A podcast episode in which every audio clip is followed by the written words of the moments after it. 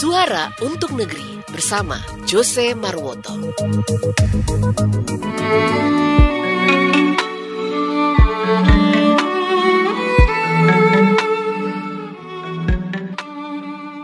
Seorang penulis bernama Benedict Anderson pernah melontarkan sebuah gagasan tentang Imagine Communities atau Imagine Society, yakni sebuah komunitas atau masyarakat yang terbentuk dari sebuah imajinasi. Jika kita terapkan gagasan ini pada awal-awal pembentukan masyarakat kita sebagai sebuah bangsa atau nation, maka amat sangat relevan sekali.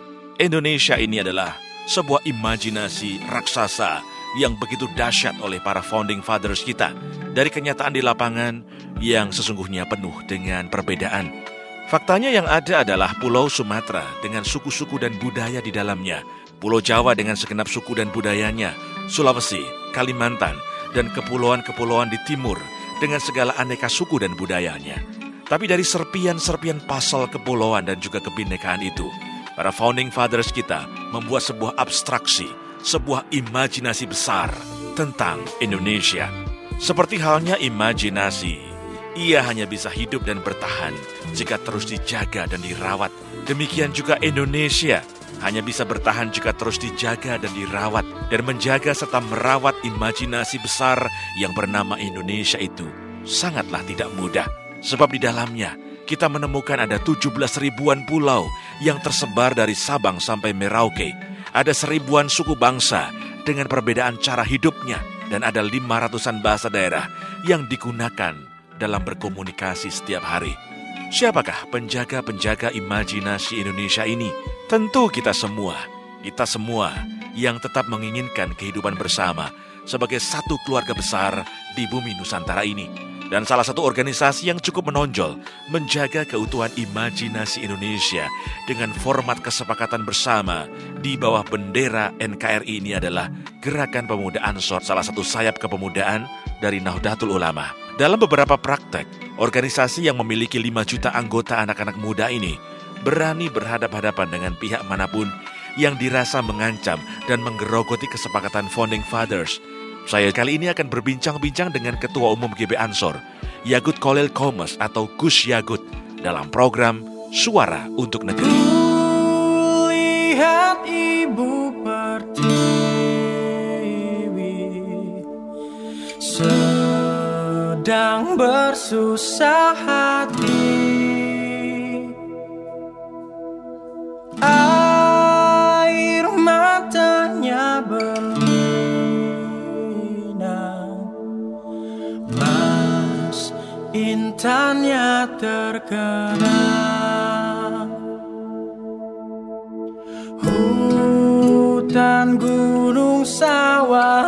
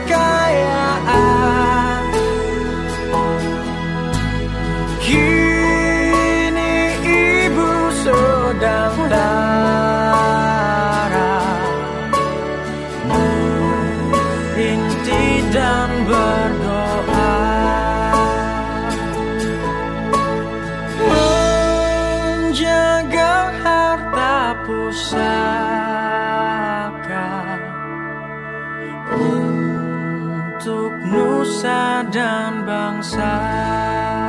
Pendengar saat ini saya sedang bersama dengan Ketua Umum GP Ansor Yogut Kolil Kumas atau yeah. yang lebih keren disebut atau lebih terkenal disebut sebagai Gus Yogut ya. Anda adalah Ketua Umum dari GP Ansor yang saya baca katanya ada sekitar 5 juta gitu ya. Iya. 5 juta Iya. anggota yang terdaftar. Ini kan ada tanggung jawab moral juga dari GP Ansor untuk melakukan sesuatu perubahan di masyarakat Indonesia. Iya, itu kenapa kemudian kita terus-menerus melakukan kaderisasi dengan memperbanyak kader. Ini bagian dari tanggung jawab kami, rasa tanggung jawab kami kepada negeri yang dulu didirikan juga oleh kiai-kiai kami dulu. Kiai-kiai yang dulu mendirikan Nahdlatul Ulama, kiai-kiai yang dulu mendirikan Ansor dan Banser itu mereka juga ikut berjuang mendirikan negeri ini, memerdekakan negeri ini.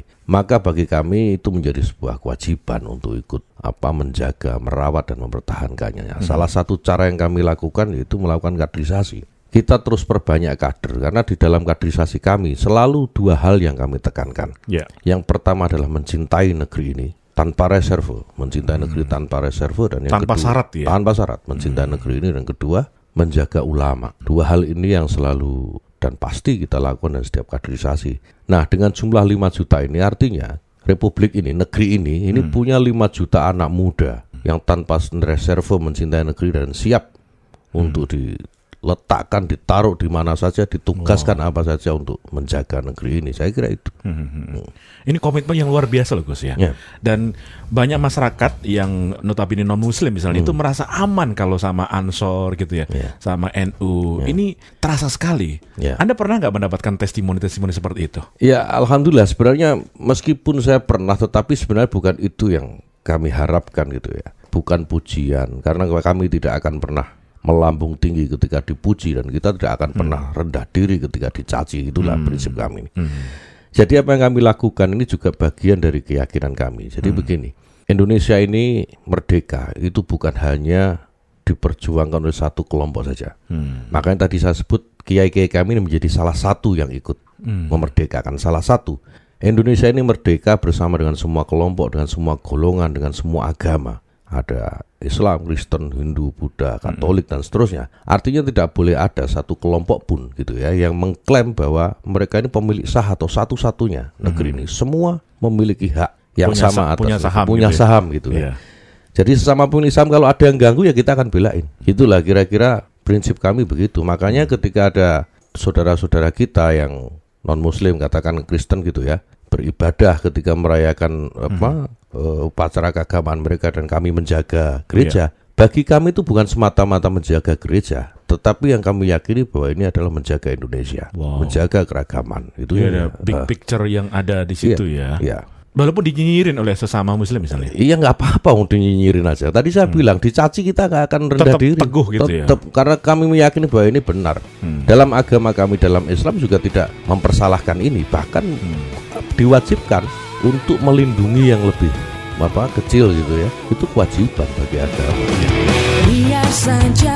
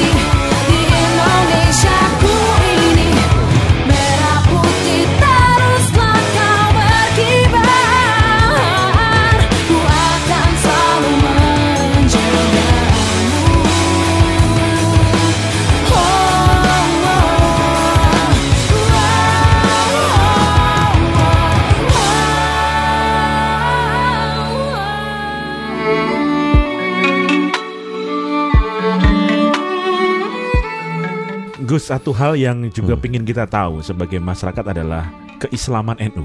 Hmm. Ini bagi kita cukup cukup, menarik karena mampu untuk hidup dan menaungi perbedaan-perbedaan yang ada, memberi Hmm. rasa aman. Sebenarnya apa sih rahasianya?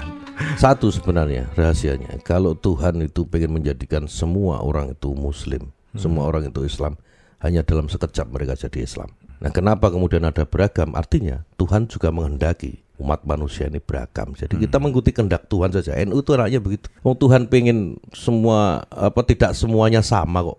Ingin semuanya beragam kok. Masa kita itu manusia maunya seragam gitu saja. Ya, ya. Itu yang menjadi prinsip saya kira di Nahdlatul Ulama dan itu diturunkan dalam semacam guideline gitu bagi kami ini ada tawazun, tawasud, tasamuh itu ada toleransi, ada jalan tengah gitu. Jadi posisi NU itu tidak terlalu ke kanan dan tidak terlalu ke Iya, kiri. Moderat ada di, ya. di tengah-tengah, Di tengah-tengah. menerima semua perbedaan. Menjaga Itu kita- keseimbangan ini. Nah, itu saya kira yang membuat kita dalam beragama pun ringan. Kita tidak pernah Iya. memaknai agama dengan cara-cara yang sulit saya kira itu. Pernah nggak kita eh, Gus memikirkan kalau nggak ada Ansor apa yang terjadi di Indonesia ini? Ya, saya tidak pengen apa ya. Saya tidak pengen bicara itu, tetapi saya harus jujur. Saya tidak bisa membayangkan kalau hari ini tidak ada ansor, tidak ada banser atas negeri ini. Mas, ada tiga hal. Ada tiga hal yang menjadi problem besar di negeri ini yang harus dituntaskan dan ini saya kira selama ini digarap betul oleh NU dan Ansor di dalamnya. Yang pertama adalah klaim keagamaan. Ada sekelompok orang yang mengklaim bahwa beragama itu yang sesuai dengan mereka. Kalau tidak sesuai dengan mereka maka itu belum sah mereka dalam beragama, belum kafah kalau dalam Islam, belum tuntas dalam beragama. Jadi beragamanya masih setengah-setengah. Ada satu klaim keagamaan ini dan sialnya yang melakukan klaim keagamaan ini kelompok kecil gitu, bukan kelompok yang besar. Bukan yang- Yang kedua, problem berikutnya adalah mempertanyakan kembali konsensus nasional. Apa itu konsensus nasional NKRI dan Pancasila? Kita tahu orang-orang yang sedang melakukan teror-teror ini tujuannya yaitu merubuhkan NKRI dan mengganti Pancasila menjadi iya. dasar diganti dengan dasar apa negara yang lain merubuhkan NKRI dengan mengganti menjadi khilafah Khilafah. Islam Ah, ini juga ramai juga ya. itu. Iya. Ini problem, problem kita. Dan problem ketiga adalah mayoritas yang sebenarnya mencintai kera- keragaman, mayoritas yang sebenarnya menikmati hidup dengan bersandingan dengan segala perbedaan yang ada ini lebih memilih diam. Tiga hal problem ini harus diselesaikan. Dari tiga itu mana yang paling urgent, paling berbahaya? Tiga-tiganya. Tiga-tiganya berbahaya. Tiga-tiganya berbahaya. Kalau kita orang baik seperti Mas Jose ini diam aja, itu ancaman. Hmm. Bahaya gitu ya? Iya. Jadi semua orang baik harus bicara gitu. Harus bicara. Iya. Oke. Yang pertama tadi klaim kebenaran. Hmm.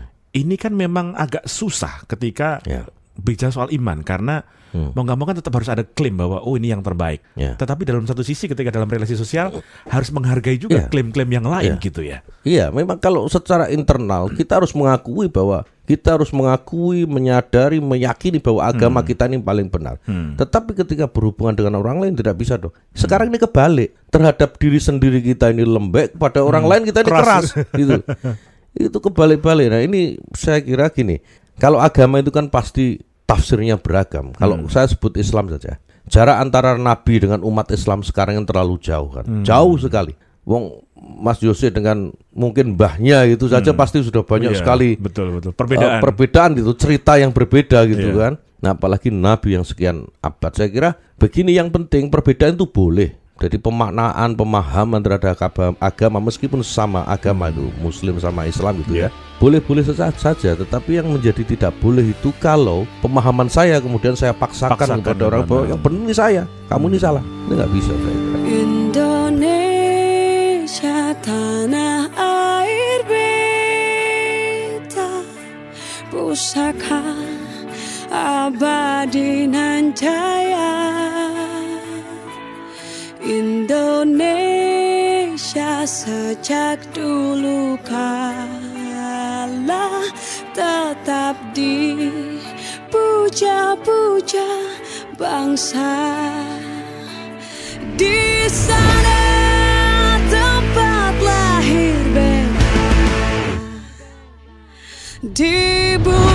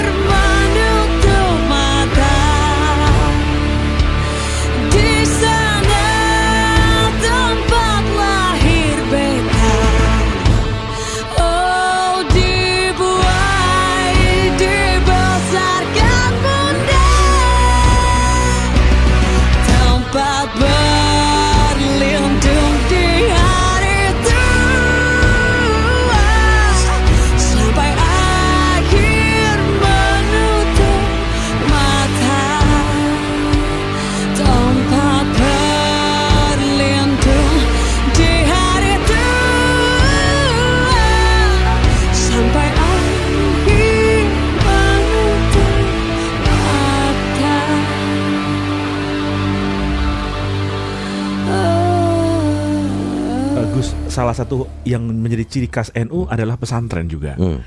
Nah, sejauh ini kayaknya saya nggak tahu ya, tapi kayaknya kurang diperhatikan juga oleh pemerintah gitu kan misalnya Hmm. kemarin-kemarin. Artinya, padahal mereka-mereka ini kebanyakan justru yang memiliki faham moderat, Hmm. tapi Ya. kurang di endorse gitu. Pandangan anda gimana? Ya saya kira kurang lebih benar. ya saya juga merasakan karena saya juga hidup dan besar di lingkungan pesantren. Saya merasakan betul itu bagaimana pesantren itu menjadi eh, lembaga pendidikan kelas 2. Padahal kalau kita runut sejarah Mas, pesantren itu memiliki jasa besar atas berdirinya negeri ini. Iya. Pesantren itu ya. Jadi begini, apa sih yang menyatukan 17.000 kepulauan yang ada di Indonesia ini? Apa yang menyatukan banyak sekali suku bangsa yang ada di Indonesia saat ini gitu? Itu apa sebenarnya? Kita coba cari, bukan ini bukan bermaksud melakukan klaim ya, tetapi begini, kami mencoba merunut sejarah. Beberapa puluh tahun yang lalu ya sebelum Indonesia merdeka itu orang ini kan pada pergi haji sama dengan sekarang orang pergi haji bedanya moda transportasinya orang sekarang bisa pergi haji dengan pesawat mudah lah paling 9-11 jam udah sampai dulu orang pergi haji itu harus naik kapal mas perjalanannya 40 hari Betul, wow. Nah, 40 hari ini kalau orang pergi haji, perjalanannya 40 hari kalau di sana cuma haji tok itu rugi. Itu rugi karena haji itu praktis hanya buter. Jadi 40 hari di itu 40 hari PP ya? sekali Oh, jalan sekali, itu berarti 80 hari lah ya. 80 hari pulang pergi naik kapal. Iya. Nah, orang dari Indonesia, Nusantara waktu itu kan Indonesia belum merdeka ya Indonesia berangkat ke sana itu 40 hari itu. Nah, kalau di sana hanya haji saja itu rugi, maka mereka kemudian belajar di sana, ngaji. Mereka berguru pada apa ulama-ulama yang ada di sana. Nah, pertanyaannya, siapa yang waktu itu mau merelakan banyak waktu itu, Hmm. gitu ya, banyak waktu ke sana gitu Hmm. untuk pergi haji dan kemudian belajar ngaji kalau bukan orang-orang pesantren pasti orang-orang pesantren nggak ada pegawai negeri pasti. Iya, karena pasti dipecat nanti kelamaan ya. nah mereka ke sana dan mereka ini kan datang dari banyak tempat itu. Oh. ada yang dari NTB ada yang dari mana Sulawesi Kalimantan dari Jawa. Iya. dan mereka berkumpul di sana. Dan orang pergi haji sekali lagi orang pergi haji waktu itu pasti ini orang pesantren. Santri pasti. Mereka berkumpul di sana menyatukan rasa menyatukan apa kegalauan mereka karena Indonesia waktu itu dijajah oleh kolonial gitu ya dan mereka pulang kembali. Setelah itu mereka pulang ke, Indo- ke Indonesia kembali itu membuat jaringan mereka membuat jaringan dengan satu perasaan yang sama bahwa Indonesia ini harus merdeka. Nah saya kira ini menjadi cikal bakal bagaimana pesantren itu ikut memerdekakan apa negeri ini. Kita dengar juga kita tahu kita baca sejarah bagaimana eh, 10 November itu itu juga dimulai dari Kiai Hasim As'ari Oh, Oke. pendiri Nahdlatul Ulama yang menyatakan fatwa jihad itu bahwa semua wajib melakukan jihad melawan Belanda. Belanda waktu itu. Jadi ini saya kira sejarah panjang pesantren. Kalau sekarang kemudian pesantren di nomor dua kan ya, ya tentu kita akan bukan protes sih, kita akan minta lah kepada pemerintah untuk lebih diperhatikan Iya, itu pesantren ini. Karena begini, selain sejarah yang panjang itu di kalau namanya pesantren apalagi pesantren NU dan Muhammadiyah lah kata itu pasti tidak akan pernah mengajarkan intoleransi, tidak akan pernah mengajarkan radikalisme, tidak akan pernah. Jadi justru mereka ini pesantren-pesantren ini harus didorong supaya mereka bisa berkembang gitu. Iya, iya. Tanah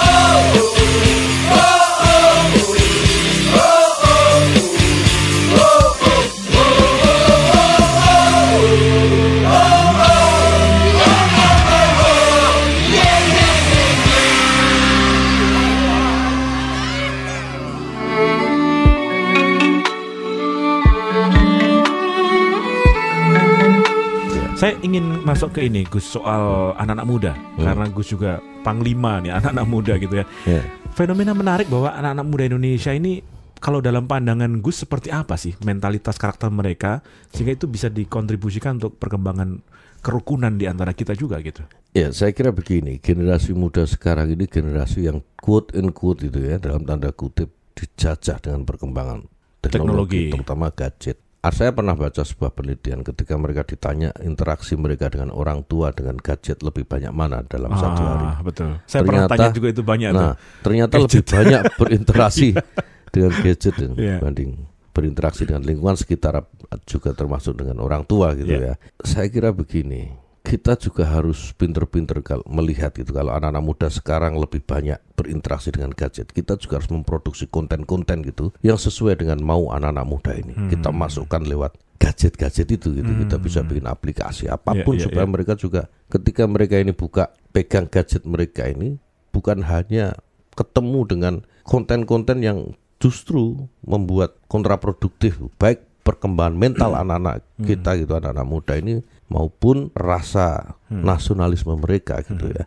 Ini harus dipikirkan saya kira. Nah, Tapi apakah mereka punya problem soal nasionalisme kebangsaan mereka atau pandangan yang toleran kepada sesama walaupun berbeda? Iya sekali lagi saya juga membaca penelitian terutama di Wahid Institute yang Iya. concern Itu mengerikan itu kan mengerikan Iya. mereka ada sekitar 7% anak muda ya kalau saya nggak salah itu yang sudah terinjeksi dengan Hmm.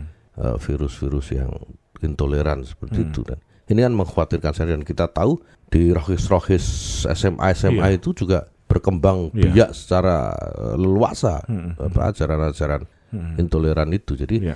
saya kira memang anak muda ini juga harus mendapatkan perhatian khusus bukan hanya oleh eh, kita ya sebagai kelompok masyarakat tapi pemerintah juga harus memberikan lebih khusus perhatian lebih khusus karena Alfara Institute mengatakan dia, karena dia ini concernnya untuk penelitian tentang anak-anak muda ya Iya. di milenial 48% penduduk Indonesia itu milenial anak muda Iya, betul. Artinya kalau kita tidak perhatikan dari sekarang maka 10-15 tahun lagi kita akan menuai bahaya yang luar biasa. Hmm. Jadi harus ada konsentrasi lebih lah saya kira terhadap anak-anak muda ini. Kalau dikatakan apakah ada masalah dengan nasionalisme mereka, saya, saya kira iya. Mereka cinta Indonesia, tetapi mereka tidak ngerti kenapa mereka harus cinta Indonesia. Itu yang bahaya, mas. Itu nasionalisme turunan. Nah, Pancasila Rumah kita Rumah untuk kita semua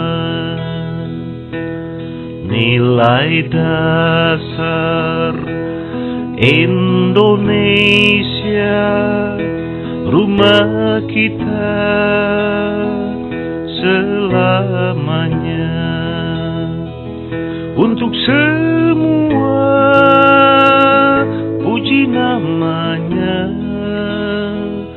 Untuk semua cinta sesama untuk semua keluarga menyatu.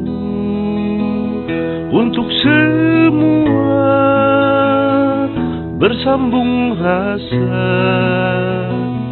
Untuk semua saling membagi.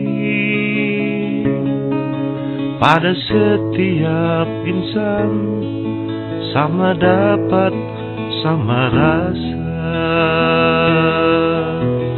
Oh Indonesia.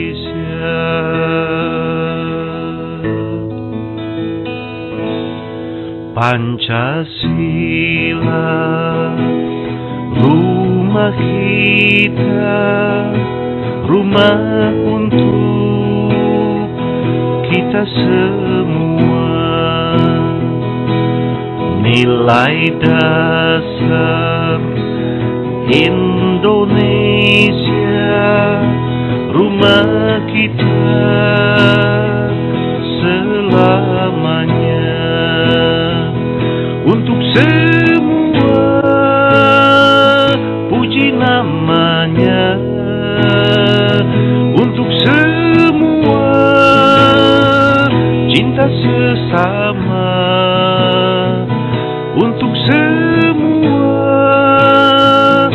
keluarga menyatu Untuk semua bersambung rasa. Untuk semua saling membagi pada setiap insan sama dapat sama rasa